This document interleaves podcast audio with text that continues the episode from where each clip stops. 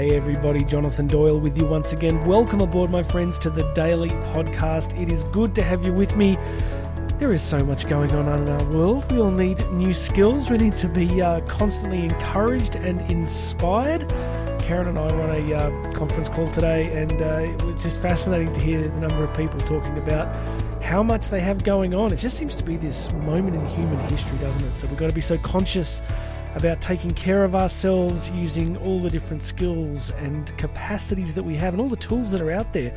Hopefully, this podcast is one of those tools, one of those things that gets you going each day. I'm excited about the direction of the podcast. We have we're going to have a big pivot. We're going to be doing a lot more guest interviews in the weeks ahead. I've got a team working with me at the moment. It's going to be uh, bringing some great guests on the show. So it's a great chance to hear the wisdom and insight of so many other people. I just finished Jenny Tough's book Solo. In recent episodes, I've been talking about that.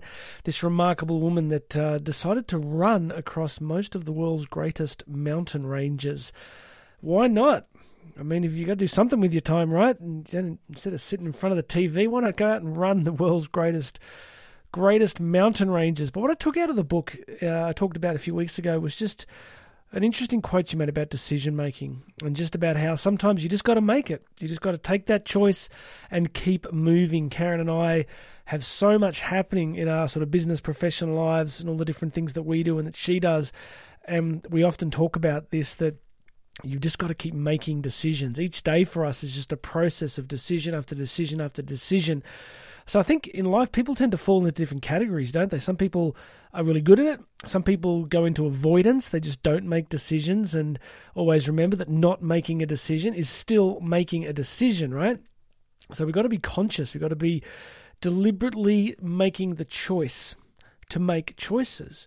We've got to be, as often as possible, looking at our life and constantly moving towards what it is that we want. We're never going to get perfection in this life. We're never going to get things exactly the way we want them completely. But there is something unique about the human journey is that we are desiring creatures. We are capable of envisioning a different future. I was talking to a friend uh, on a training ride the other day about leadership and I remember quoting uh, Napoleon, who famously said that the first duty of a leader is to define reality, and the last is to say thank you.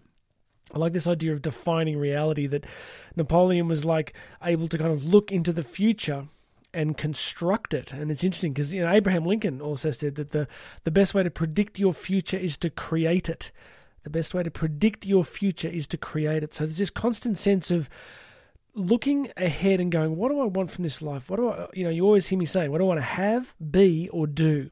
Because sometimes the criticism of you know motivation and personal development is people like, well, we're always focused on getting stuff. Well, it's having, being, and doing and contributing, right? What do you want to contribute in the world? So we want to consciously, deliberately be aware of what it is that we want, and then look at those steps and choices on a daily basis.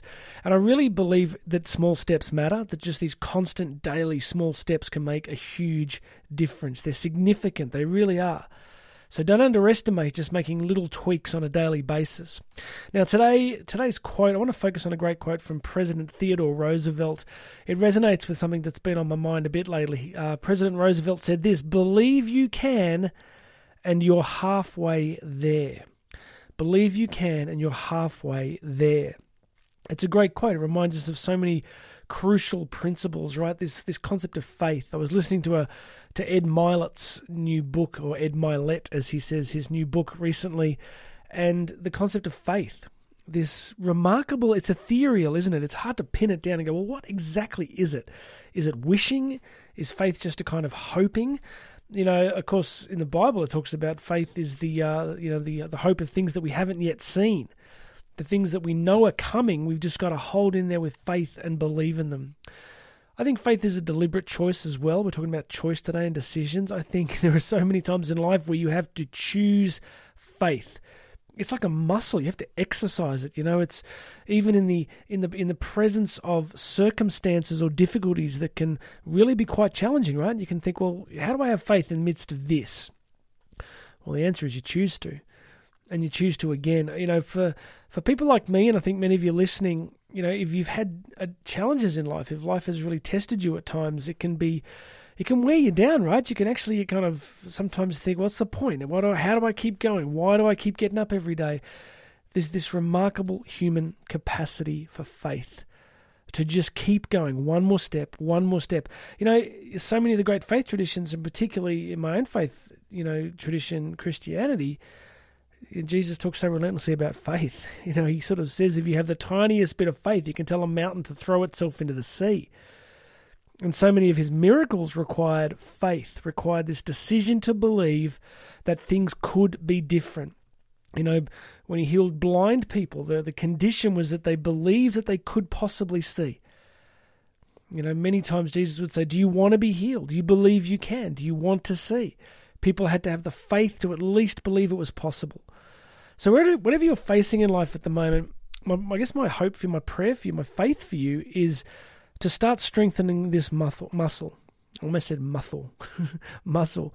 The ability to step into something that isn't happened yet, to keep going, to get up one more day and believe that you're going to get closer. Just keep going. If I do one thing in this podcast, I just want to give you that daily encouragement, that constant forward progression of hope and faith that things can be different if you make small, incremental daily choices.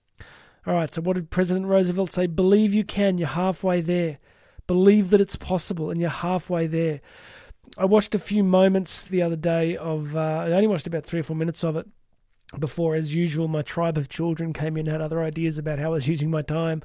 I basically never watch TV or anything like that, but I actually was watching a couple of minutes of this Netflix uh, documentary on the on professional PGA golfers, and I think it was um, JT. Is it Justin Thomas? Was who's won one of the US majors? He he said just this line. He said, you know, from when I was the youngest age, I just wanted to be the best golfer in the world.